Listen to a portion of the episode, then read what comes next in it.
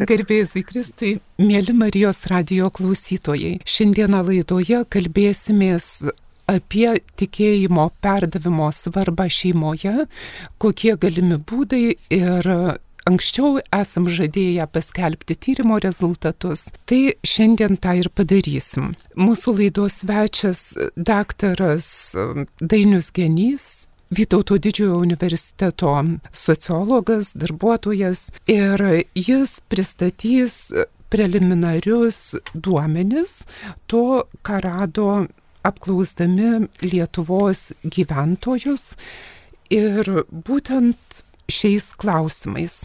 Mielas Dainiau, dėkoju, kad sutikai pasidalinti ir išpildyti klausytojams pažadą, kad tiesiog sužinosim rezultatus turbūt beveik vieni pirmųjų.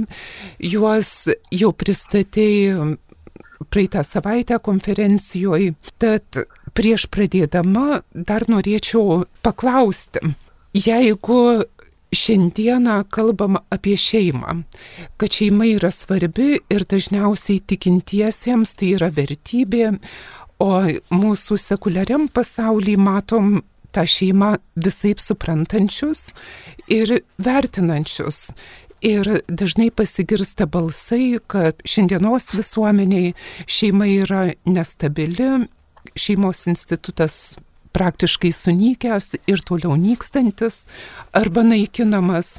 Bet štai ką sako 16 metais išleistoje studijoje sociologas Esping Andersen, kuris daug rašo apie gerovės valstybę, apie socialinius modelius ir jisai sako, kad tas šeimos institutas atgimsta. Ir pavartoja savoką daugiau šeimos.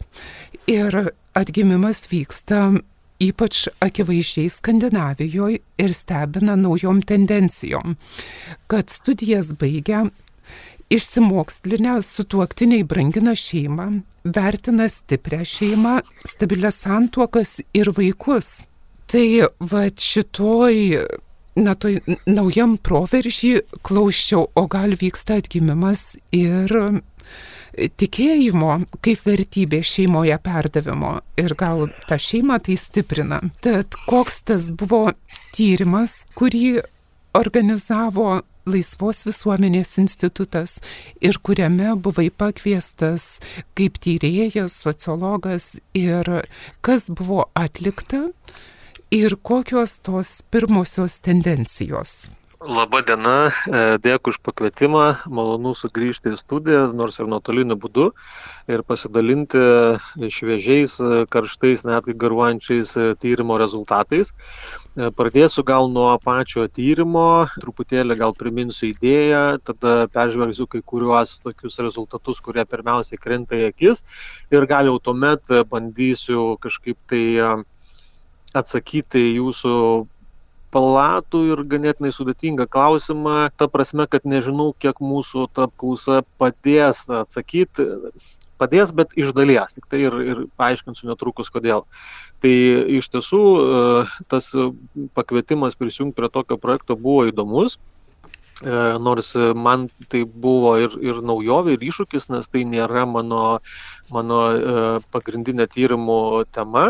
Kažkiek visą laiką to domėjausi, bet, sakykime, anksčiau tyrimų nesu atlikęs. Tai buvo įdomu gilintis į, į, į tikėjimo perdavimo niuansus ir, ir buvom sugalvoję taip tą tyrimą, kad turėsim kelias tokias teorinės prielaidas, kurias mes tikrinsim būtent šito empirinio tyrimo Lietuvų visuomenės apklausos būdu. Ir tos prielaidas buvo tokios, tai patikrinti, sakykime, socializacijos teorijos, tam tikras įžvalgas, kiek tikėjimo perdavimo sėkmę užtikrina šeiminė aplinka, šeimos vertybės, toliau patikrinti racionalaus pasirinkimo teoriją, kuri šiuo metu yra viena populiariausia šioje tyrimų kryptyje.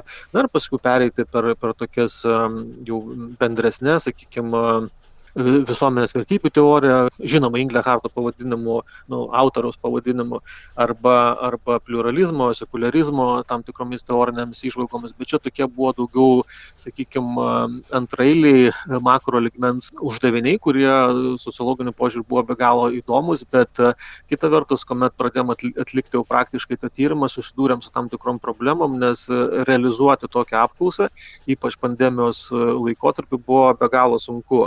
Tai šią prasme mes e, džiaugiamės, kad pavyko surasti e, solidžius partnerius, e, Baltijos tyrimų bendrovė, kuris specializuojasi būtent rinkos tyrimuose ir visuomenės apklausose. Ir jie turėjo patirties būtent tokiuose apklausose, kuriuose žmonės yra klausimi apie tikėjimą, apie tam tikrus tikėjimo praktikavimo įpročius ir, ir panašiai. Nes šiuo atveju mums buvo svarbu užtikrinti tam tikrą imti, kurios pagrindų mes vėliau galėtume būtent tikrinti savo tas hipotezes, kurias trumpai paminėjau ir, ir svarbiausia yra, aišku, ta tikėjimo perdavimo aplinkybės, kurios mums buvo svarbu. Tai, kitaip sakant, mums reikėjo surasti didelę dalį žmonių, kurie būtų tikintis ir praktikuojantis. Ir tuomet, kuomet mes pradėjom kalbėti su Baltijos tyrimais, tai jie mums davė tokį patarimą, kad, sako, jūs geriau turite vis tik apsispręsti, kadangi jūs tyrinėjate dvi referentinės grupės, tai yra šeim, nu, šeimas, bet tai, tai tėvus ir vaikus. Tai sako, jūs imkite geriau vien tik tai tikinčių, nes jeigu kitaip, jeigu imsim visuomenę apskritai, tai tada ta mūsų tikinčiųjų dalis gali labai sumažėti ir tada mes rizikuojam prarasti duomenų validumą, kuomet mes kalbam apie tikėjimo perdavimo aplinkybės. Ir mes pasinaudojom to, to patarimu, tai neredukuoja, sakykime, tyrimo svorio, bet šiek tiek mūsų apriboja konceptualią prasme, nes kai, kur, kai kurių tų hipotezių mes negalėsim patikrinti dėl to, kad mūsų ta, ta grupė truputėlį susiaurėjo ir gavosi taip, kad mes apklausėm 300 e, tėvų, kurie turėjo 16-25 metų amžiaus vaikus ir lygiai taip pat 300 e, vaikų iš, iš tų pačių šeimų. Vienintelė sąlyga buvo, kad e, iš tos pačios šeimos galėjo būti tik tai du atstovai, tai yra tėtas arba mama ir, ir, ir vienas iš vaikų bet negalėjo būti daugiau. Turėdami to, tokį tyrimą, kas tada, kas tada matosi. Tai pirmieji tokie rezultatai yra tai, kad atrodo, kad iš tikrųjų tas tikėjimo perdavimas vyksta, bet, bet mes su kiekviena karta šiek tiek tikėjimo perdavimas vyksta ne taip efektyviai, kaip mes galime tikėtis ir, ir vaikai nors didelę dalim perima tėvų įsitikinimus, bet ir šiek tiek yra ta tendencija, kad dalis vaikų nubyra. Na, nu, ką aš turiu galvoje. Pavyzdžiui, mes pradžioj pradėjom tiek tėvų, tiek, tiek vaikų anketas tais pačiais klausimais, kurie, sakykime, tikrina tikėjimo sampratą, praktikas, požiūrį ir taip toliau. Ir mes paėmėm kelis tokius teiginius, kurie yra, sakykime, tokie, nu, pamatiniai krikščionybė, nu, kaip pavyzdžiui, ar, ar tikite, kad egzistuoja rojus, dangus ir pragaras. Ir, sakykime, tėvai 59 procentai atsako, kad, kad taip. Ir jau tuo tarpu tik 42 tai procentai vaikų atsako, kad taip to tiki. Ir jeigu mes pažiūrėsime kitą kintamą į nežinau, tai sakykime, tėvų atveju to buvo tik tai 23, o, o vaikų jau šitas skaičius išauga iki 35. Kitas klausimas, kuris, sakykime, atspindi tam tikrą tikėjimo gilį ir, ir būtent vėliau tai bus mūsų kintamasis matuojant, kaip tas tikėjimas yra perdodamas, Tai sakykime, šitą klausimą tėvai atsakė taip 69 procentai, o nežinojo 20 procentų.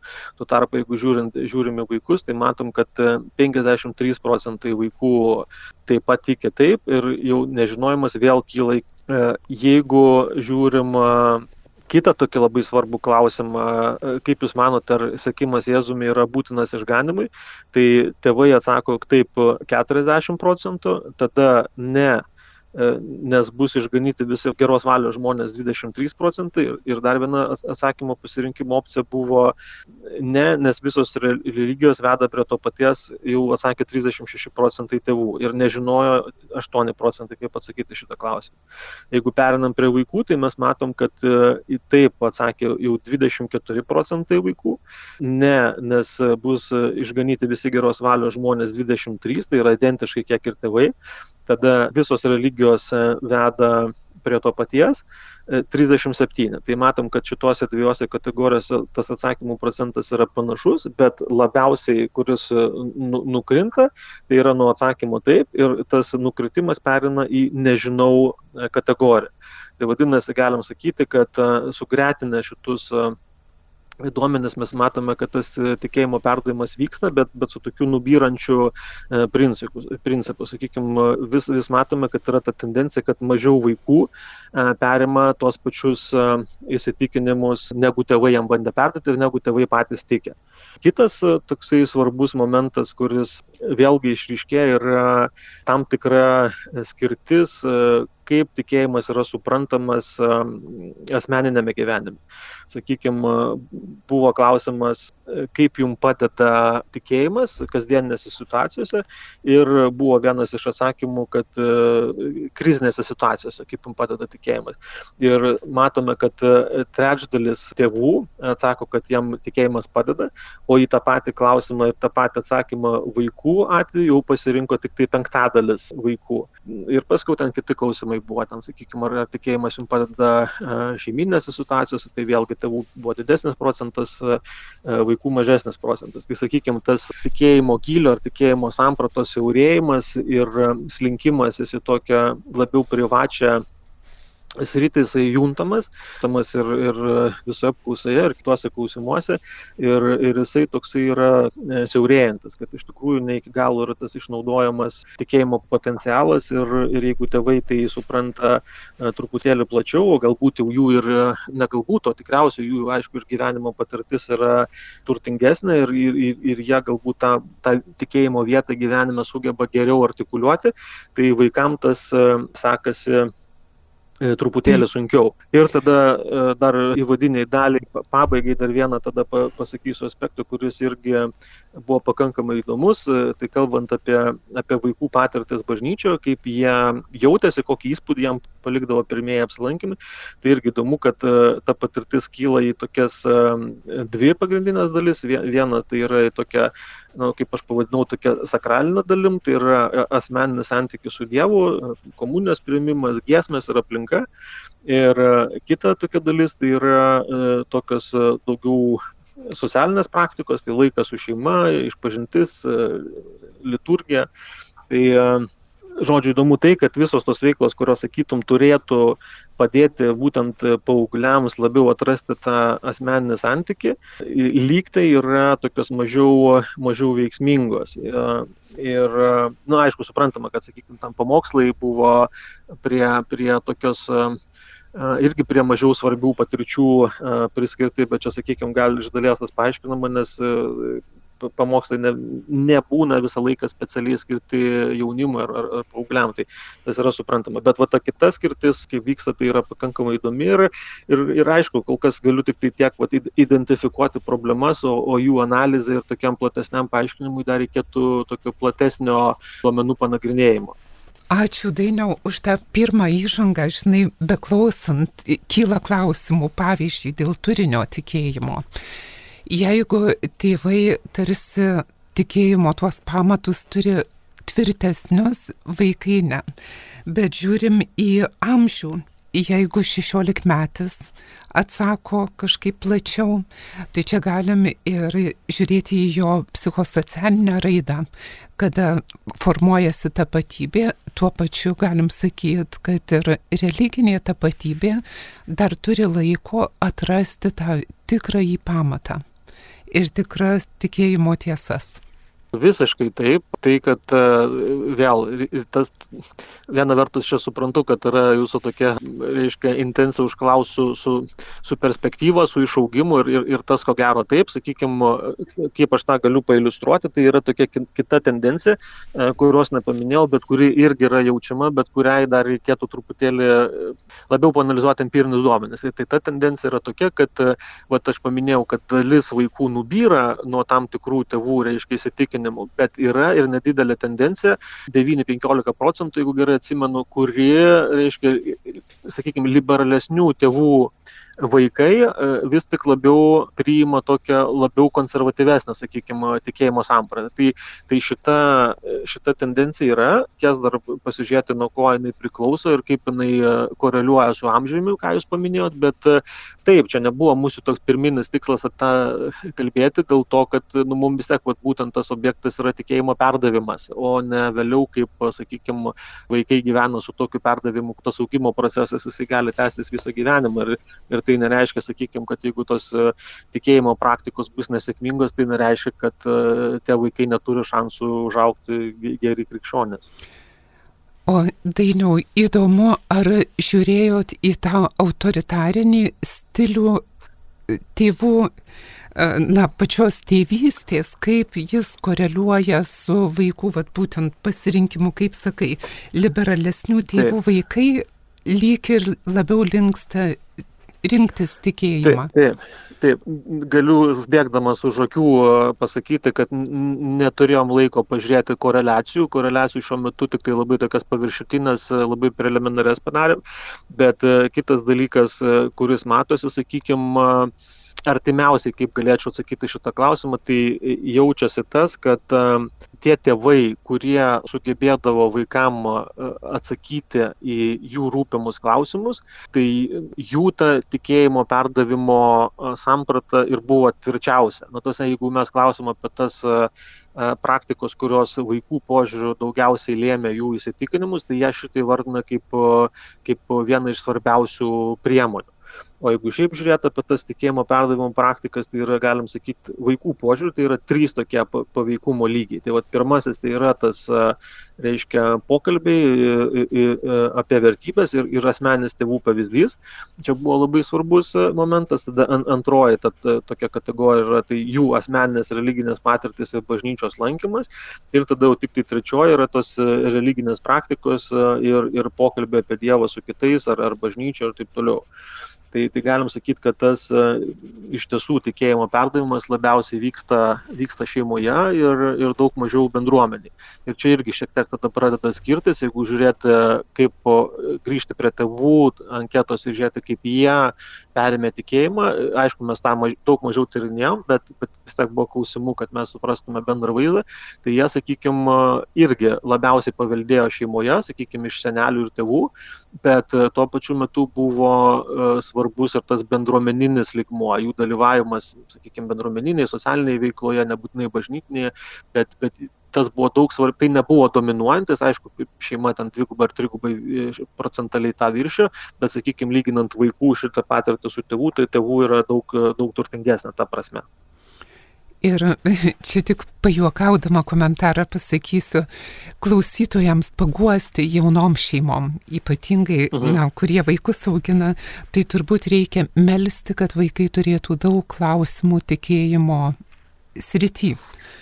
Ir jeigu gaus atsakymus iš šeimos arba su šeima kartu ieškos tų atsakymų labiau tikėtina, kad vaikai tikrai atvers tais tikėjimo duris plačiau. Čia ta, ta socializacijos teorija, ta kaip ir sakytų, kad, pasme, kuo tas procesas yra sklandesnis ir, ir ne tik iš vaikų pusės, bet ir iš tėvų pusės, nes ten, sakykime, tie klausimai vaikų, jie gali būti kaip, nu, nebūtinai ten teologiškai labai brandus, gilus ar, ar, ar taip toliau, bet, sakykime, net ir paprastą elementarų klausimą, jeigu tėvai emasi iniciatyvos paaiškinti, skiria tam laiko, parodo, kad vaikų klausimai yra svarbus ir, ir ypač šitoj tematikai, tai tada aišku, tas, tas nu, vėl tokį preliminariai tik tai galiu teikti, bet atrodo, kad tai tas turi tokį turi potencialą peraugti į pasiekmes ir tie vaikai tada imasi dar labiau klausinėti, dar labiau domėtis ir, nu, taip sakant, čia yra tėvų pareiga nu, ta, perteikti tą tikėjimą atraktyviai, kažkaip įdomiai,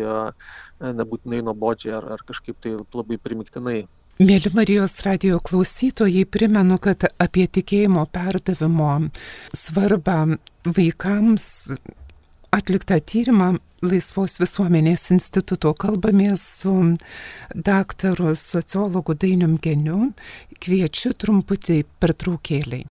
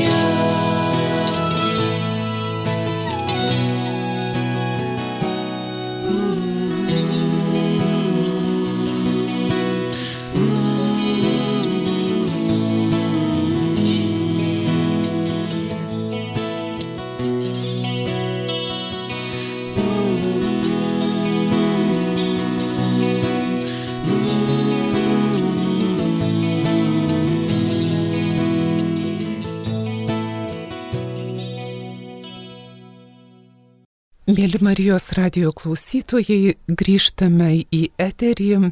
Šiandien kalbamės apie tikėjimo perdavimo svarbą šeimoje vaikams, jaunajai kartai ir atlikto tyrimo pagrindu kalbamės su sociologu daktaru Dainium Geniu. Tai, mielas Dainiau, šitoj daly tada dar ar galėtum taip bendrai paminėti, kokios tos tendencijos išryškėja ir kur link veda šio tyrimo mhm. duomenys. Gal vieną tokį kas irgi man ir, ir pačiam įdomu ir kaip tai, kaip tie duomenys, nu, nors ir preliminarus tie mūsų atradimai, bet kaip dabar matosi, kaip jie koreliuoja tokiam bendresniam fone. Tai pavyzdžiui, 2016 metais buvo Lietuvoje publikuota monografija plati, kuri nagrinėjo Europos vertybių tyrimo rezultatus ir ten buvo vienas iš klausimų, kaip tik ir buvo visas klausimų blokas, buvo taip pat skirtas tikėjimo klausimams.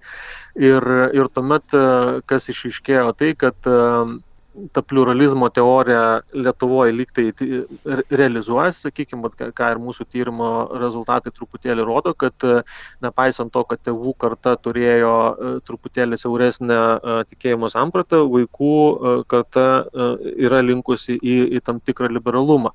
Bet kas labiau, reiškia, išryškėja, tai yra, kad tėlį keičiasi tas tikėjimo gal vietos e, asmens gyvenime samprata ir vaidmuo.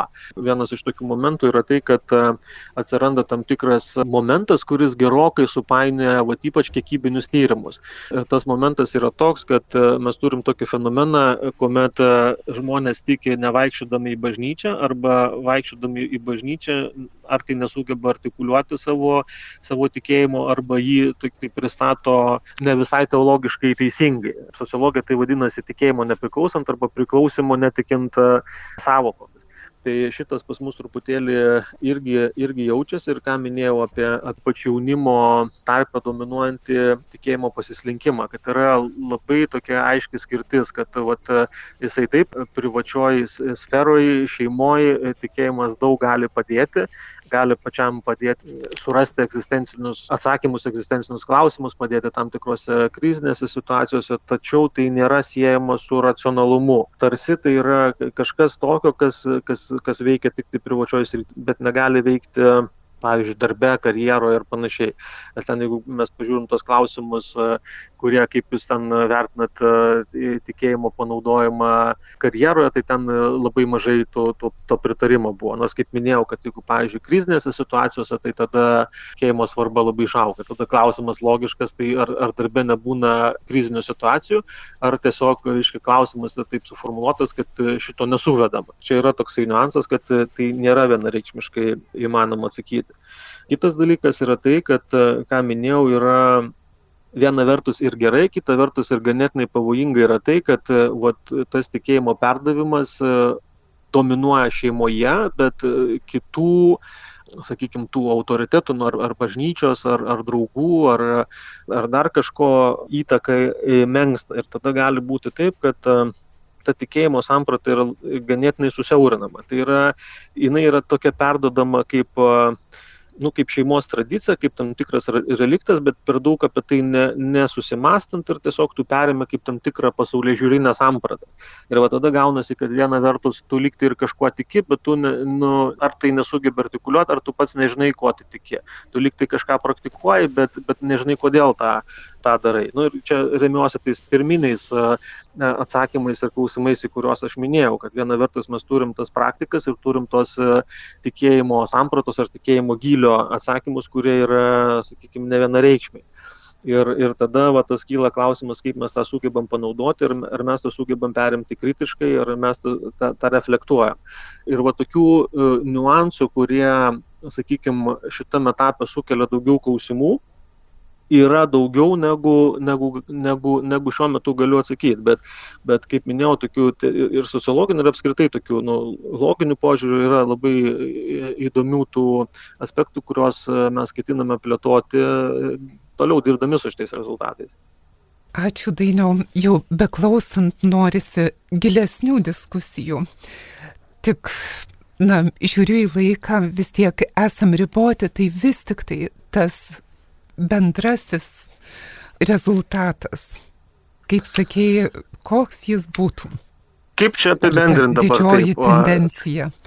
O paskui dar vis tiek pašnekinsiu didžioji tendencija vis tiek yra ta, kad tas tikėjimo perdavimas vyksta ir jisai vyksta pakankamai sėkmingai, bet e, tame sėkmingume e, yra tam tikrų faktorių, kurių paaiškinimui dar reikėtų truputėlį laiko. Ir tie faktoriai vėl gali būti tikėjimo perdavimo požiūrio prasme, gali būti tokie rizikingi ar grėsmingi, bet lygiai taip pat gali būti ir tokie nu, džiuginantis ir, ir turintis potencialą aš aišku jokių būdų ne, nedramatizuočiau tų rezultatų, gal, gal net kaip tik labiau žiūrėčiau optimistiškai. Ir, na, aš tikiuosi, mums pavyks kažkaip labiau uh, ir, ir paviešinti, ir, ir labiau tų paaiškinimų surasti, ir labiau pasidalinti tokiais uh, jau labiau mūsų pačių ir apmastytais ir, ir, ir išgrydintais tais rezultatais, kas vis tik lemia, kokios vis tik tos priežastys. Nes aš jau taip dabar perbėgau per tam tikras aplinkybės, per tam tikrus aspektus, kurie prisideda prie to tikėjimo perdavimo e, sėkmės ar nesėkmės, bet vat, būtent noris labiau tokio pasigilinimo, kas vis tik lemia. Na, na pavyzdžiui, mes kol kas nepadarėm jokių sociodemografinių charakteristikų. Tai mes negalim kol kas pasakyti, kaip tai koreliuoja su, sakykime, tėvų e, socialiniu statusu ar, ar, ar, jų, ar jų, sakykime, šeimos finansinė padėtim. Vienintelis dalykas, kurį šiek tiek pasižiūrėjom, tai buvo tai, kad yra šioks toks skirtumas tarp vaikų gyvenančių mieste ir vaikų gyvenančių ne mieste. Bet, bet vėlgi reikia truputėlį platesnių empirinių duomenų apdirbimo, kad, kad, kad galėčiau taip konkrečiau kažką pasakyti. Tai vis tiek žadinis smalsumą, tai kaip ten, kur link krypsta tie miestai ir kaime ar regione gyvenančių tai, tikėjimas? Pirminė vėlgi tokia, ne, negaliu kol kas pasakyti apie patį gilį, apie patį turinį, tik tai e, užimtumo prasme galim pasakyti, kad uh, tie, kurie gyvena ne mieste, jie labiau linkia į, įsijungti į, į, į veiklas uh, susijusios su tikėjimo perdavimu ir su tikėjimo praktikavimu. Ir tai yra iš dalies normalu dėl to, kad nu, tai yra sakykime, čia yra ta tradicinė skirtis, kalbant apie ne tik tai jaunimo, bet ir apskritai visuomenės užimtumo miesto ir kaimo prasme. Ir nors vėl aišku, kad dabar čia tokia skirtis pandeminiais laikais, kad beveik viskas yra per nuotolį, yra tokia, nu, dirbtina, bet, sakykime, tie rezultatai, nu, vat, rodo, kad šiokios tokios tendencijos yra. Bet, bet vėlgi, ta prasme, negaliu kol kas tai pasakyti, kaip tai koreliuoja su, su turiniu. Ir Na, vis tiek turbūt neišvengiamai, o kaip ten yra su tais šeimos ūkdymo vaikų auklėjimo stiliais? Ar e, kažkiek apčiuopim? E, Galiu tik tai dar pareklamuoti, kad tok, tokį klausimą turėjom ir, ir, ir jį išplėtosim. E, mintis buvo tokia pasižiūrėti, kaip tikėjimo perdavimo sėkmė arba nesėkmė priešingai koreliuoja su, sakykime, šeimos tvarkos modeliais. Sakykime, ar šeima labiau linkusi į demokratinę auklėjimą, ar labiau į, į tokį gal ir autoritarinį, o galbūt net į tokį net švelnesnį negu demo, demokratinį ir, ir, ir taip toliau ir panašiai. Tai šitas klausimas užims svarbę vietą mūsų duomenų analizai, bet mes taip šiuo metu suplanavom savo darbus, kad tai papuls į, į antrąją dalį mūsų, mūsų tyrimo analizės. Nes dabar taip esam pasidalinę, kad, kad vat, pradžioje mes bandom išsiaiškinti tikėjimo perdavimo sėkmę ir, ir aplink, aplinkybės leminčias, social, leminčias veikiančius socialinius aspektus. E, šią kryptim planuojam ir paskelbti mokslinę publikaciją, o antroji dalis bus vat, daugiau skirta apie tikėjimo poveikį būtent jaunimo pasaulyje žiūrai, praktikom, vertybėm ir ten tada mes irgi labiau e, žiūrėsim koreliaciją, kaip tai koreliuoja su šeimos, e, kaip minėjau, reiškia, tvarkos modeliu ir, ir, ir, ir panašiai. Tai, tai tų klausimų iš tikrųjų yra daugiau negu šiuo metu spėjom apdirbti, bet kita vertus čia galbūt ir yra toksai anonsas, noras užadinti, patraukti dėmesį ir pareklamuoti, kad toksai tyrimas buvo atliktas.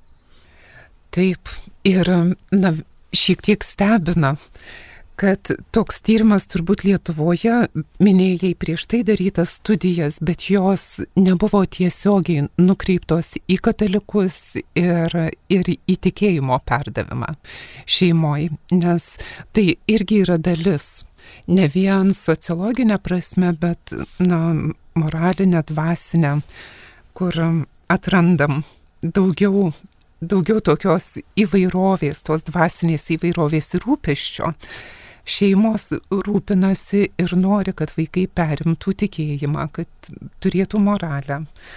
Ir turbūt dauguma suprantam, kad tikėjimas ir yra pamatuose mūsų viso elgesio ir netgi sėkmės gyvenimo.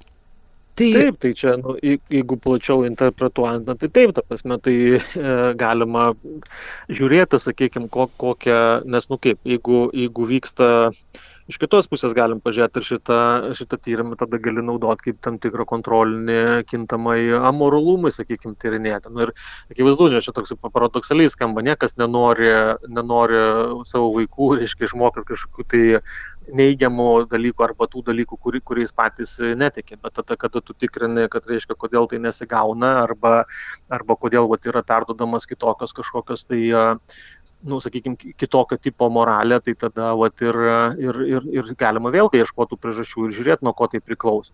Ir tada šitas tyrimas skamba, nu, atrodo kaip tam tikras e, indikatorius galėtų būti. Taip.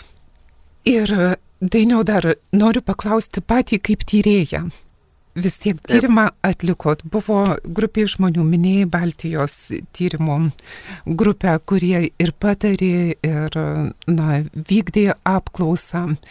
Tau pačiam kaip tyrėjui, kuri šios apklausos dalis tokia artimiausia, arba kurie rezultatai gal nustebino, ar galėtum pasidalinti asmeninę tokio man viskas e, buvo įdomu, sakykime, nuo pradžios iki galo. Negaliu iki galo kol kas dar reflektuoti, nes, kaip minėjau, procesas dar nesibaigė. Aišku, buvo įdomu ir, ir, ir gilintis į tą temą, ateiti su, sakykime, tokiu šviežiu žvilgsniu iš kitokių tematinių tyrimų, bet įdomu ir dabar, aišku, analizuoti tos duomenis, žiūrėti, nuo ko priklauso. Tai e, vėlgi tas, kas nustebino šiuo metu, negaliu pasakyti, nes ką jūs ir paminėjote, kada trūksta tyrimų šitoj srityje, tai nėra su kuo palyginti tada nu, labai lengva apsigauti. Viena vertus gali sakyti e, eureka, o štai aš kažką atradau, bet e, jeigu tų tyrimų būtų daugiau, ar jeigu, sakykime, po to sektų kiti tyrimai ir, ir, ir, ir būtų ten patvirtinama daugelis dalykų, taip pat tai čia anokia tada anoks tas atradimas, bet, bet kita vertus aš vis tiek sakau, tikiu, kad mums kaip, kaip, kaip mokslininkam yra įdomu ir tos aplinkybės, nu, tai lemia, ką, ką, ką reiškia ir kaip tą paaiškinti ir kaip tą ištirti. Tai vat, šitas etapas šiuo metu ir vyksta ir jisai įdomus ir, ir žiūrėsim, kaip čia, kaip čia seksis toliau. O ta kokybinė dalis, kur minėjai, kad ir socializacija svarbi ir, pavyzdžiui, kaip yra perduodama, na, ne tik tendencijas pasižiūrėti, koreliacijas, bet taip pat kaip tas reiškinys iš vidaus vyksta. Ar galvojat toliau tyrinėti, ar jau čia bus baigtinis? Tyrimas? E, sunku pasakyti, e, nuo šito klausimo tiesą pasakius mes ir pradėjom. Čia visą laiką yra toksai, matyt, e, iššūkis kiekvienam tyrėjui, ar pradėti nuo, nuo, nuo giluminio tyrimo, nuo kokybinio tyrimo, ar, ar tiesiai šokti kiekybinį. Ir, ir seniau, sakykime, toks vadovėlinis principas buvo, kad reikėtų pradėti nuo kokybinio ir tada perėti į kiekybinį, ypatingai tuomet, kuomet tokių apskritai tyrimų trūksta. Bet šio laikiniai prieigoje galima daryti atvirkščiai, ne, nebėra tokio griežto kanono, sakykime, tai, tai mes ir pasirinkom tą antrąjį variantą, pirmiausia, pasižiūrėti tas tendencijas, pasižiūrėti tam, tam tikrus pjūvis ir tada žiūrėti, ar, ar verta gilintis į tai aišku, tas atsakymas visą laiką yra, kad, kad verta, visą laiką įdomu ir čia įdomu ne tik tai kaip, kaip sakykime, kaip mokslininkam, bet ir mūsų partneriam iš Laisvos visuomenės instituto, kurie turi ir, na, ir tokių praktinių lūkesčių šitam tyrimui. Tai aišku, kad yra įdomu ir jau dabar tie mūsų duomenys rodo, kad reikia tam tikro paaiškinimo, ką aš ir minėjau apie tą, kuomet kalbėjau apie tikėjimo individualizaciją ir, ir, ir va, tą skirti tarp tikėjimo reiškia, nesilankant bažnyčioje arba, arba, arba tokio neiškaus tikėjimo lankantis bažnyčioje. Nu, aš galvoju, kad vėl, kuomet klausi, sakykime, paauglių, vis tiek žmogui 16, kad ir 18 metų, jam gal nėra taip lengva atsakyti. Aš kažkaip vis pagalvoju, kad galbūt, galbūt kokybinis tyrimas, kokybinė prieiga parodytų, kad vat, tai, ką aš dabar pristatau kaip tam tikrą neapibrieštumą tyrimo, kaip, kaip kažkokį konfliktą pasaulyje žiūrinę, sakykime, mūsų, mūsų šitos imties, tai galbūt yra kažkokie paaiškinimai, gal, gal privačiam pokalbė, giluminiam pokalbė būtų tie paaiškinimai. Ir kai kada, žinot, yra vienoks įsitikinimas, bet, bet kitoks pasakymas. Ir tas ne visą laiką taip tiesmukai eina, ne visi turi tam tikrą gerą artikulaciją ir kuomet sugeba tą savo pasaulyje žiūrį labai aiškiai taip, atsakyti va, tokiais labai siaurais ir konkrečiais klausimais. Kai kada ypač tokiais, tokioj srity, kur, kur, kur yra svarbus intimumas ir, ir, ir svarbus tas susimastymas ir, ir, ir, ir, ir nuoširdumas, tai va, kartais reikia tokios suteikti tam tikrą pauzelę atsakyti, ypač jaunimui. Kita vertus vėl yra, yra te klausimai, kurie, sakykime, tikėjimo kontekstai yra pamatiniai, na ir jie vis tiek, nu, negali tikėti kitaip negu, negu rašo Biblija, sakykime, šitaip. Taip. Ačiū Dainiau ir paminėjai, kad na, šitas tyrimas gali pasitarnauti. Yra tokių lūkesčių ir kaip iš tikrųjų na, matytum tą taikomąjį pobūdį? Tai aš kaip ir visą laiką manau, kad moksliniai argumentai labai tiesiogiai gali būti pritaikomi dėl to, kad įteikia daugiau aiškumo. Jeigu, sakykime, tas klausimas yra aiškiai suformuoluotas ir jis yra atsakomas, tai tada, tada ir praktinis pritaikymas yra paprastas. Tai aš galvoju ir šitaip, jeigu mes sugebėsim kažkaip pat iš to, ką aš pripasakau, pateikti aiškias rekomendacijas ir, ir argumentuosim savo tyrimo rezultatais, tai aš manau, kad tada tiek, tiek sakykime, sakykime, tėvam, tiek, tiek galbūt tiem, kurie imsis e, toliau tos tikėjimo misijos perdavimo užtikrinti, tai, tai jie galės to, to pasinaudoti, nes, sakykime, kiek dabar atrodo, to potencialo yra pakankamai nemažai, e, ką aš ir minėjau, kad e, jeigu nu, jeigu mes priimsim domėn tą faktą, kad, kad vis tik tikėjimo perdavimas sėkmingiau vyksta iš vaikų pusės labiau toksai prieimimas vyksta šeimoje, o ne, o ne sakykime, ten bendruomeniniai ar, ar, ar kažkokioj karitatyviniai veikloje ar, ar, ar, ar tokioj kur aplink bažnyčią, parapijose vyksta, tai, tai tada vėl klausimas, kodėl taip yra, ar tos programos neveikia, ar jos per mažai kažkaip per mažai suranda savo tikslinę auditoriją, ar, ar, ar kame problemos yra. Tai čia vėl gali būti tas kaip užduotis kokybiniam tyrimui, giluminiam tyrimui, bet gali būti ir tokiam nu, ekspertiniam prisėdimui, persižiūrėjimui tų programų, kurios vyksta, tokiam, reiškia, šito tyrimo rezultatų šviesoje ir nusprendžiant, kas, kas galbūt paveiku, kas, kas yra nepaveiku. Ir priešingai pasiimant tam tikrus aspektus kaip lūkesčius iš, iš vaikų, kurie šitam tyrimui pasakė, kas, kas jam veikia ar kas jam yra svarbu ir tada to pagrindu formuojant ar formuoti rekomendacijas kažkokiam tokiam programom ar, ar tiesiog peržiūrint tas programas ir papildant naujais punktais. Tai čia, žinot, čia nuo, nuo vaizduotės priklauso mūsų kaip mokslininkų užduotis yra bandyti paaiškinti šitą neaiškę tikrovę, tai, o, o jau paskui kaip kiti iš to, ką išspaus, tai čia jau toksai ir tolimesnis bus uždavinys. Ačiū Dainiau už įdomų gyvą pristatymą mokslinių rezultatų. Ačiū Jums už pakvietimą ir galimybę pristatyti. Ir tiesiog dėkoju ir klausytojų vardu ir primenu, kad šiandieną kalbėjomės apie tyrimą, kurį inicijavo Laisvos visuomenės institutas, o tyrimo tema apie tikėjimo perdavimą šeimoje. Pradėjau mintimi, kad šiandien pargrįžta stiprios šeimos vertybė į mūsų visuomenę, ją parneša akademinio pasaulio žmonės, tarsi gaivina. Tai panašiai yra ir su tikėjimo perdavimo, tokiu įsisamoninimu ir svarba mūsų gyvenime. Ir tai, ką Dainius paminėjo, kad, na, socializacija šeimoje, tada na, individualizavimas, o gal kaip tik labiau internalizavimas tikėjimo, stebint tėvų pavyzdį, yra svarbus. atsisveikinant norėčiau palinkėti jums, mėly radio klausytojai, ir visiems mums, kad tikėjimą mes kaip duonos kepalą, kurį iškepė mūsų tėvai arba mes kepam savo vaikams, galėtume įduoti tai gyvenimo kelioniai, kurioje na, stiprėtume ir išlaikytume ryšį su savo šeimos nariais, kurie dalyjasi. Ne tik paprastą kasdienę duoną, bet ir gyvenimo tikėjimo duoną. Ačiū Jums, laidą vedžiau aš, sesuo Daiva Kusmitskaitė. Sudė. Sudė.